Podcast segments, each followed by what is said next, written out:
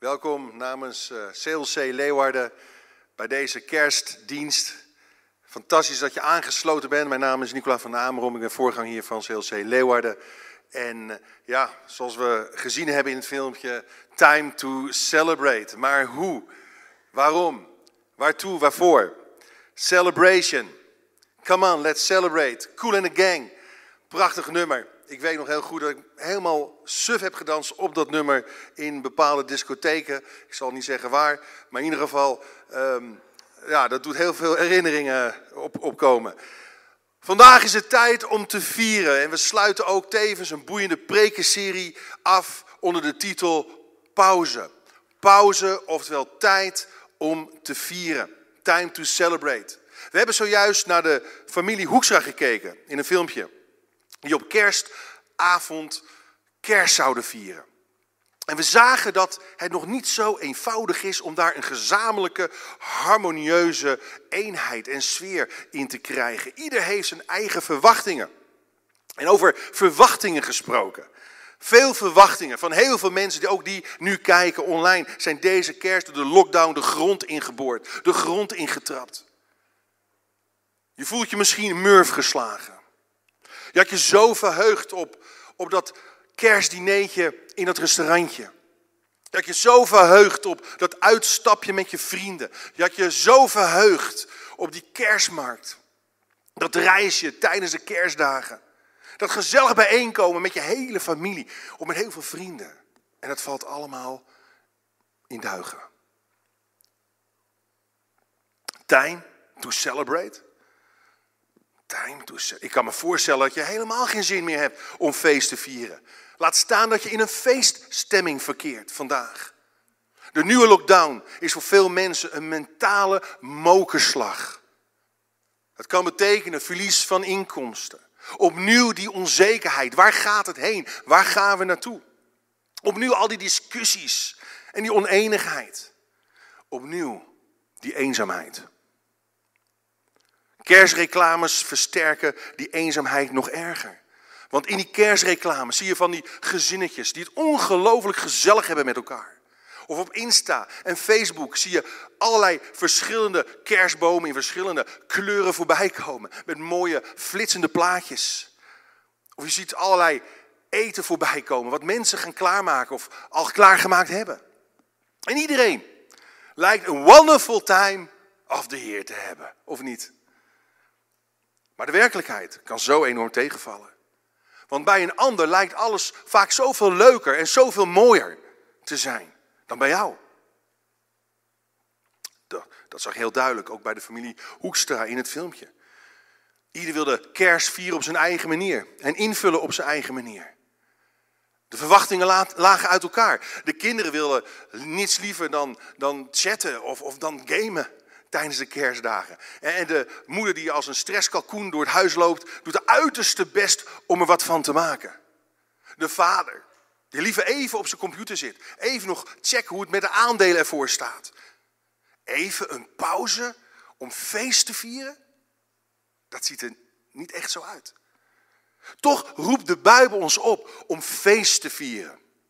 Feest vieren, lees u mee, is niet een optie dat God geeft in ons leven, maar het is een ritme dat Hij voortschrijft voor ons leven. Een gezond ritme, een heilzaam ritme. Ik denk dat heel veel mensen niet weten dat de Bijbel een heel spannend, boeiend boek is.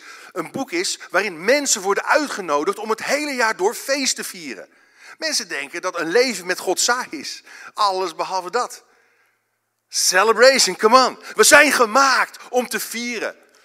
We zijn gemaakt om pauzes in te lassen in ons leven. En de goedheid en de tegenwoordigheid van God te celebraten, te vieren. De Bijbelse feesten, er zijn er zeven. In het Oude Testament, stuk voor stuk, hebben ze een eigen karakter. Ik ga er natuurlijk nu niet helemaal op in, maar alle feesten in de Bijbel hebben eigenlijk drie gemeenschappelijke noemers. En die heb ik vanavond samengevat in drie vragen. Waarom, waartoe en waarvoor? Laten we eerst lezen en duiken in het kerstverhaal. In het evangelie van Lucas, hoofdstuk 2. Er staat, niet ver daar vandaan brachten herders de nacht door in het veld. Ze hielden de wacht bij hun kudde. Op opeens stond er een engel van de Heer bij hen en werden ze omgeven door de stralende luister van de Heer, zodat ze hevig schrokken. Wauw, wat is dit? En de engel zei tegen hen, wees niet bang. En ook in deze tijd van pandemie, van corona, zegt God tegen jou, wees niet bang. De engel zei, ik kom jullie goed nieuws brengen dat grote, mega vreugde betekent voor het hele volk. En vandaag is in de stad van David jullie redder geboren. Hij is de Messias. Hij is de Heer. Niet een of een van de velen, maar de. De lang verwachte zoon van David. Weet je, de boodschap van kers is er een van vreugde en dus reden tot feest. Reden to celebrate. Wat onze omstandigheden ook, ook zijn. In welke situatie jij je ook verkeert. Vandaag. En dat leren we van de herders in het veld. Wat is de context van een herder in die tijd? Weet je, de herders leefden aan de onderkant van de samenleving. Ze waren ongeschoold, hadden geen perspectief op een voorspoedig leven. Ze waren arm, ze werden door mensen zelfs veracht. En zo zaten deze herders. Een beetje chill rondom een kampvuurtje. Ze hielden de wacht en plotseling explodeerde de hemel in een kleine, donkere wereld. Machtige kleuren kwamen tevoorschijn, een machtig licht. En het lied van de engelen brak door in het oorlogsgebied van deze aarde. Omdat er een strijd is tussen de macht, de machten van God, de engelen en de tegenmachten, de machten van Satan, van de duivel en zijn demonen. En de God die redding en de God die bevrijding brengt, is in onze donkere, koude bestaan gestapt. Hij is letterlijk in onze huid gekropen. God werd mens. En daarom zei de engel, dit, lees zal voor jullie het teken zijn. Het teken. Jullie zullen een pasgeboren kind vinden dat in doeken is gewikkeld en in een voederbak ligt. En plotseling voegde zich bij de engel een groot hemels leger dat God prees met de woorden: eer aan God in de hoogste hemel en vrede op aarde voor de mensen die hij lief heeft. De hemelen scheurden open. En een engelenkoor zong een machtige symfonie die vandaag de dag nog steeds wereldwijd te horen is. Het was alsof de engelen deze boodschap wilden doorgeven. Lieve mensen, begrijp dat jullie geen ander huiswerk op aarde hebben dan vreugde te vinden. Vreugde te hebben en voor eeuwig van God te genieten. Want Hij is het leven. Hij is de bron van goedheid en genade. Hij is de vader der lichten, staat er in de Bijbel, bij wie geen zweem van ommekeer is. En hij geeft goede gaven, goede geschenken. Toch kun je nu voor de buis zitten en denken bij jezelf, vreugde? Vreugde? Die is ver te zoeken in mijn leven. Misschien zit je deze kerst zonder, zonder werk thuis. Of je viert kerst in je eentje. Voor het eerst zonder je man of je vrouw of je partner. En dit jaar met kerst kun je ook in quarantaine zitten. En mag je niemand ontmoeten. Of mag niemand bij jou komen. Wat valt er dan te vieren? Er kunnen allerlei redenen zijn om helemaal niet blij te zijn. Om helemaal niet verheugd te zijn, zoals we dat noemen. Je verblijdt je niet, want je verveelt je. Hoezo tijd om te vieren? Drie redenen. Tijd to celebrate. Waarom? Allereerst omdat feestvieren vreugde brengt in ons leven, ongeacht onze omstandigheden. Weet je, vreugde is een wezenlijk onderdeel van Jezus' leven, van zijn karakter. Het is ook een vrucht van de Heilige Geest in je eigen leven. Vreugde. Het beschrijft wie Jezus is. En het eerste woord dat gebruikt werd om de geboorte van Jezus te beschrijven was vreugde. Zelfs grote vreugde, mega vreugde. Een vreugde die deze wereld niet kan geven. En de omstandigheden van de herders, weet u, die zagen er helemaal niet rooskleurig uit. Hun bestaan was hard en ruw. Vaak helemaal niet gunstig of prettig en aangenaam of comfortabel. Toch kwam er een engel met een boodschap van vreugde, juist tot hun. En ook juist tot jou wil God spreken, wie je ook bent, waar je ook vandaan komt, wat je ook hebt uitgevreten. hey, er is vreugde binnen bereik gekomen. Er is redding, er is vergeving van je zonde. Er is een nieuwe toekomst mogelijk. Iemand beschreef de herders in die tijd als volgt. De herders hadden roet in hun hersenen en, en schapenkwijl tussen hun tenen. Met andere woorden, ze werden veracht, werd op ze neergekeken. En ik weet niet wat jij hebt meegemaakt. Misschien is er op jou neergekeken. Misschien, misschien hebben mensen op jouw ziel getrapt. Misschien hebben ze jou gemeden. Misschien hebben ze jou gepest. Misschien hebben ze jou gediscrimineerd. Maar er is toch vreugde voor jou mogelijk. En ik zal uitleggen waarom. Weet je, schaapherders hadden geen enkele hoop op vooruitgang. Geen enkele hoop om iets te kunnen bezitten. Geen enkele hoop om, om verder te komen in hun leven, zich te ontwikkelen. Hun zinloze wereld leek nooit te veranderen. Er leek nooit iets te gebeuren. En uitgerekend die nacht, toen de koning der koningen geboren werd, toen verscheen een engel. Toen openbaarde God zich aan hen. En hij wil zich ook aan jou openbaren op dit moment. Het leek niks te veranderen. Alleen nacht na nacht die blatende schapen, wat schuine grappen rond een smeulend kampvuurtje. En dan denken wij dat wij een zwaar leven hebben in deze pandemie. Weet je, Jezus, hij kwam een onvolmaakte wereld binnen met vreugde om onvolmaakte mensen blij te maken en, en te versieren met, met slingers van zijn heerlijkheid, van zijn glorie, van zijn liefde, van zijn kracht, van zijn vrede en vreugde. De Bijbel die zegt dit, wees altijd blij. En je denkt, hoe is dat nou mogelijk?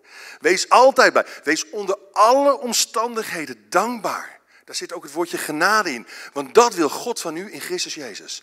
In Christus Jezus. Het kan volgens mij alleen maar als je in Christus Jezus bent. Als je dat kind hebt aangenomen als jouw redder, als jouw Messias en als jouw Heer. Weet je, vreugde staat niet gelijk aan vermaak. Of zoals ze in het Engels vaak zeggen, happiness. Pharrell Williams had een, een hele grote hit een aantal jaren terug van over happy. Happy, happy, happy. I feel so happy. Come on. Feel happy, happy, happy. Heel veel meer tekst had hij niet trouwens. Maar goed. Weet je, maar vermaak is extern. Uh, heeft uiterlijke factoren nodig die gunstig zijn om mij happy te voelen. Vreugde is intern. Vreugde heeft een innerlijke blijvende bron nodig om zich gezegend te weten. Dat is wat anders dan te voelen. Altijd voelen. Nee, ik ben gezegend. En daarom verheug ik mij in datgene wat God voor mij heeft gedaan. Wie Hij voor mij wil zijn. En daar kom ik zo op terug. Maar ik geloof dat het alleen maar mogelijk is als we verbonden zijn met Jezus. Want weet je, vreugde zit verpakt in een persoon. En die persoon is Jezus. En in een betekenisvolle relatie met Hem. Vreugde is dus een conditie van de ziel. En niet zozeer een reactie op de omstandigheden. Zo kunnen moeilijkheden in ons leven ook een hoger doel dienen. Ja, ook in jouw leven. Al zie je het misschien nu niet. Misschien later zie je het wel. En weet je, op de omstandigheden hebben wij mensen geen grip. Maar we hebben wel grip op ons gedrag. We hebben wel grip op hoe we ons opstellen. Op hoe we reageren op de dingen die gebeuren om ons heen. Want het zijn niet je omstandigheden die jou zwak maken. Thomas A. Kempis, hij zei, zij tonen slechts aan wat voor karakter je hebt. En zo beschrijft Jacobus dat proces van geestelijke groei als volgt. Beste mensen, lees u mee. Is uw leven vol moeilijkheden? En, en zelfs vol verleidingen, en die zijn er. Voor ons allemaal. Wees dan maar blij. Wees blij, wees happy. Ja, ongelooflijk. Hé, hey, zijn er moeilijkheden in je leven? Wees blij, want als de weg ruw is, als het moeilijk is, als er obstakels zijn, dan kan juist je geduld groeien. Dan wordt je karakter beproefd. Dan kan er volharding gaan komen. Laat uw geduld dus toenemen. En probeer niet de problemen te ontlopen. Hoeveel mensen ken je wel niet in jouw omgeving, in jouw leefomgeving, die gewoon problemen voortdurend maar uit de weg gaan? Ze ontlopen problemen. Ze kijken ze niet recht in de ogen aan en gaan er doorheen. Ze zoeken de weg van de minste weerstand. Maar Jacobus zegt, oh maar wacht even, als je, als je doorgaat. Hè, als uw geduld volgroeid is, zult u alles aankunnen en een sterk en zuiver karakter hebben. Daar is het God om te doen. En dan, ten tweede, time to celebrate. Waartoe? Opdat we niet vergeten waar het om gaat in het leven en wie de eerste plaats verdient. De Bijbel bestaat uit het Oude Testament en het Nieuwe Testament. Maar in het Oude Testament of het Eerste Testament, daar, daar lezen we over de, de tien geboden die God aan Mozes geeft en aan het volk van Israël moest onderwijzen. En, en in de tien geboden staat zelfs een wekelijkse rust of pauzedag voorgeschreven. En Jezus is onze pauze geworden. Hij, dat zegt hij zelf. Kom tot mij, alle die vermoeid en belast zijn. En ik zal je rust, ik zal je pauze geven, staat er in het Grieks. En eigenlijk moet je dit niet als een wet zien, maar als een cadeau, als een geschenk, als een gift van God aan jou. De Sabbat is namelijk een hele sociale wet. Het is bedoeld voor de mens, voor de dieren en voor de natuur. Om tot rust te komen. Om de zeven jaar. Mocht men bijvoorbeeld een, een sabbatsjaar hebben. En, en, en om de zoveel tijd moest het land met rust gelaten worden. Moesten de dieren met rust gelaten worden. Moest de mens pauze nemen om te kunnen herstellen, om dingen te kunnen verwerken. Om dingen weer in het juiste perspectief te kunnen plaatsen. Alles en iedereen heeft tijd nodig om te herstellen en te vernieuwen. Pauze om op adem te komen en te genieten van de goede dingen die God geeft. Lees je het is tijd om te vieren. Heel belangrijk, omdat we niet leven om alleen maar onze aandelen bij te kunnen houden. Of alleen maar om geld te kunnen verdienen, om alleen maar te werken. Maar we, hebben pauze nodig om vooral te gedenken. En gedenken heeft alles te maken met aanbidden en God vereren. Hem op de eerste plaats zetten. We pauzeren om te vieren, zodat we Hem kunnen vereren. We erkennen namelijk dan dat Hij onze schepper is. De eerste plaats in ons leven verdient. Onze aandacht, onze toewijding, onze tijd, onze aanbidding. Het helpt ons om terug te gaan tot de bron van ons leven. Onze voorziener. Het produceert dankbaarheid en eerbied voor Gods grootheid. Lees u verder. Lucas 2, vers 16. Ze gingen meteen op weg, die herders. Ze troffen Maria en Jozef aan. En het kind dat in de voederbak lag. En toen ze het zagen, vertelden ze wat hun over het kind, dus door die engel, gezegd was. En allen die het hoorden stonden verbaasd. Waarom? Ze dachten, hoe kan God zich nou gaan openbaren aan een stelletje herders? En ze stonden verbaasd over wat de herders tegen hen zeiden. Maar Maria, zij bewaarde al deze woorden in haar hart en bleef erover nadenken. Het woord van God is zo belangrijk. Blijf erover nadenken. Blijf het overpeinzen. Want daaruit ontspringt een hart van aanbidding. Paulus zei, laat het woord van Christus rijkelijk in u wonen. Zodat je kunt, kunt zingen met heel je hart. God kunt aanbidden met heel je leven. Weet je, de woorden van God bleven als een echo in haar hart wil galmen. En ze vergat niet wat God gedaan had. Ze vergat niet hoe God gesproken had. Hoe hij zich had gemanifesteerd. En lieve mensen, we nemen de tijd om te vieren. Opdat we niet vergeten. Niet vergeten wat God allemaal gedaan heeft in ons leven. Wat God heeft gedaan in de geschiedenis. Hoe hij tot ons is gekomen. Door zelf mens te worden. Het vieren van bijvoorbeeld verjaardagen of jubilea zijn hele belangrijke markeringspunten in je leven. Wie heeft wel eens zijn trouwdag vergeten? Oeh, op dit moment kijken vast een paar mensen heel, elkaar heel kwaad aan. Eh, weet je nog toen? Het is zo belangrijk om, om ook dat soort zaken te vieren, te gedenken. Waarom? Omdat het je weer terugbrengt tot je eerste liefde. Omdat het een belangrijk markeringspunt is. Van Gods grootheid, van, van Gods trouw, van Gods liefde. Herinneringen die je opnieuw doen beleven dat God ook nu dicht bij jou is. Als je viert met kerst, met Pasen en zoveel andere momenten wie God voor jou wil zijn. Dat Hij ook nu dichtbij is en wil zijn. Dat Hij nog steeds is wie Hij zegt dat Hij is en doet wat Hij beloofd heeft te zullen doen. Dan ten derde, time to celebrate. Waarvoor? Ten derde, zodat het mensen met elkaar verbindt en met God verzoent. We lezen verder in Matthäus 1, vers 20. Leest u mee. Jozef, zoon van David, zei de engel, wees niet bang je vrouw Maria bij je te nemen. Want een kind dat ze draagt is verwekt door de Heilige Geest. En ze zal een zoon baren. Geef hem de naam Jezus, dat betekent redder. Want hij zal zijn volk bevrijden of redden van hun zonde. En dan citeert eigenlijk de engel een profetie uit het Oude Testament. En daar staat, de maagd zal zwanger zijn en een zoon baren. Men zal hem de naam Immanuel geven, wat in onze taal betekent God is met ons. God is met jou. God wil met jou zijn, niet zonder jou. Weet je, kerst lanceert Gods missie op aarde om zich met ons te verbinden. Om ons met elkaar te verbinden. Om ons met Hem te verzoenen, met God de Vader. Jozef, hij stond op het punt om, om afstand te nemen van zijn verloofde. Die zwanger was geraakt. Hij dacht, hé, hey, ik, ik heb geen gemeenschap, ik heb geen seks met haar gehad. Wat moet ik doen? Ik verstoot haar. Op een bescheiden manier misschien. Om haar eer nog te redden. Maar, maar God kwam tussenbij en zei, nee, nee, er is hier een scheppend wonder gebeurd. Zij is verwekt door de Heilige Geest. Door God, de Schepper zelf. En toen de Heilige Geest zweefde over de aarde, werd de orde gebracht op aarde. En dat kwam Gods Zoon doen. Orde brengen op aarde. Recht brengen en recht laten zien. Dus God overtuigde Jozef in de rust, in de pauze. Want er staat dat hij, hij aan het overwegen was, aan het nadenken was wat hij moest doen. En dan zegt God, vrees niet, maar vertrouw. Dan zegt God ook vanavond of vandaag tegen jou, vrees niet, maar vertrouw. Het kind dat werd geboren, werd geboren in de lijn van koning David als Gods zoon. En dat zorgde voor nabijheid en verbondenheid.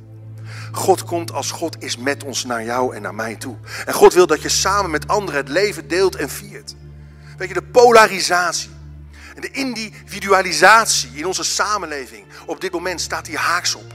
Er is zoveel verdeeldheid, zoveel oneenigheid, zoveel gekibbel en weet ik veel wat allemaal. Die heeft die mening, die heeft die mening en iedereen die botst maar tegen elkaar aan.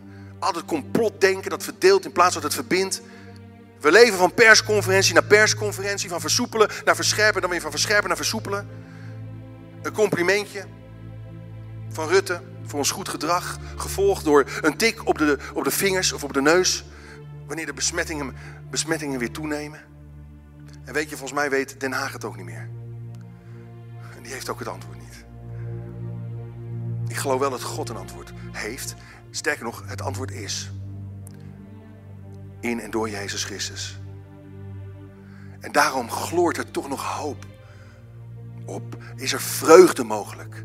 Als we, als we ook de komende dagen de pauze nemen. Om te beseffen wat God gedaan heeft. Hoe Hij deze wereld is ingekomen. Hoe Hij van de kribben naar het kruis werd gedreven. Door, door zijn liefde, onuitsprekelijke liefde, onbeschrijfelijke liefde voor jou en mij. Hoe hij heeft zich laten kruisigen en, en, en eigenlijk kapot laten slaan voor onze zonde. Om ook als mens in onze plaats de straf over onze zonde te dragen. En weet je, de grote hamvraag is ook van, vandaag, vanavond, waar leg je de focus op? Dat is cruciaal. We leggen de focus namelijk heel snel op wat vervelend voelt. Of wat verkeerd is, of wat niet goed is. En op het negatieve. Maar de Bijbel zegt dit. In Spreuken. Lees u mee, 17, vers 22. Een vrolijk hart bevordert een goede gezondheid. Maar een sombere geest verzwakt het lichaam. Een vrolijk hart stimuleert een goede gezondheid. Dus je kunt kiezen om, om boos te blijven, cynisch en verbitterd.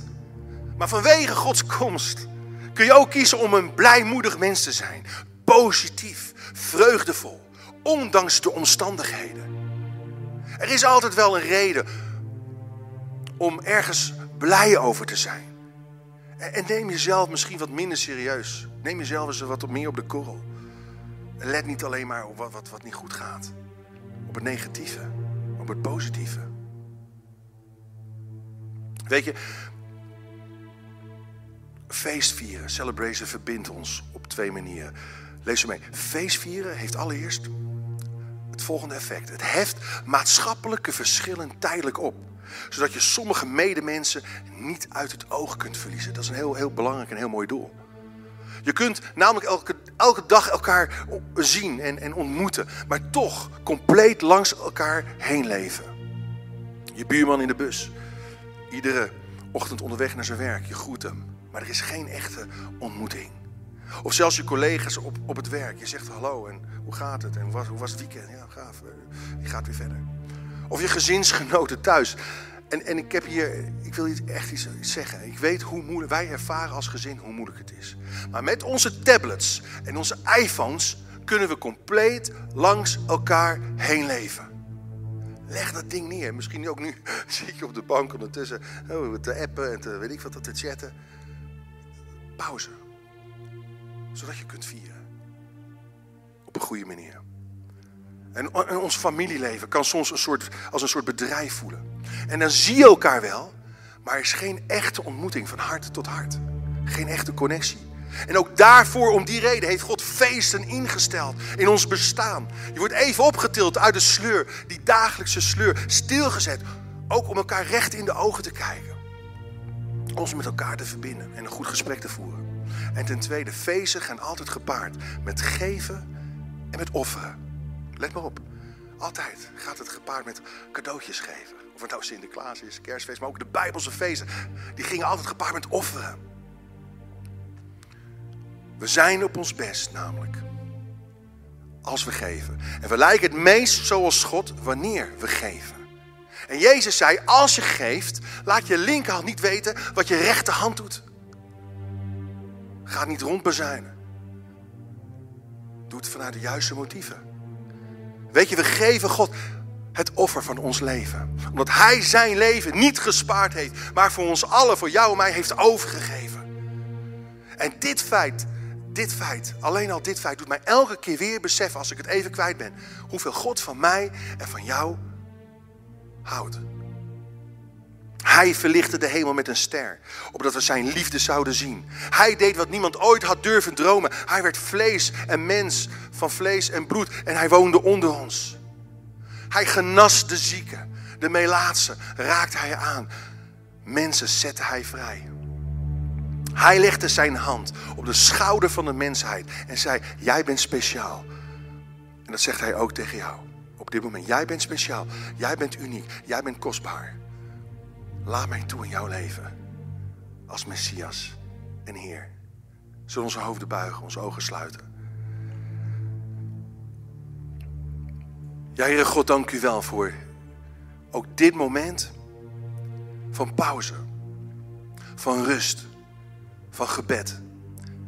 Waarin u naar ons toe wil komen door uw Heilige Geest.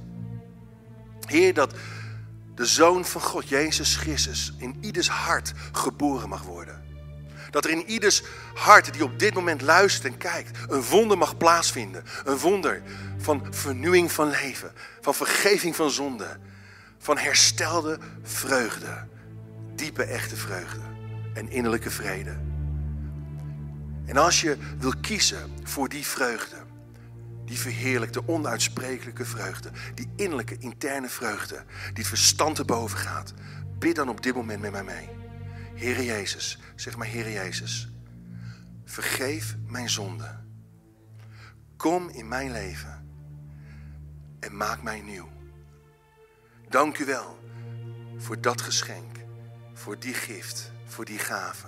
En de vreugde waarmee u mij zult vullen. Dank u Vader, dat ik thuis bij u mag komen in Jezus' naam. Amen. Ja, lieve mensen, we gaan een prachtig mooi lied zingen met elkaar. Want het is tijd om te vieren. God kwam in een onvolmaakte wereld om een vonk van vreugde in ons onvolmaakt leven aan te steken. Time to celebrate.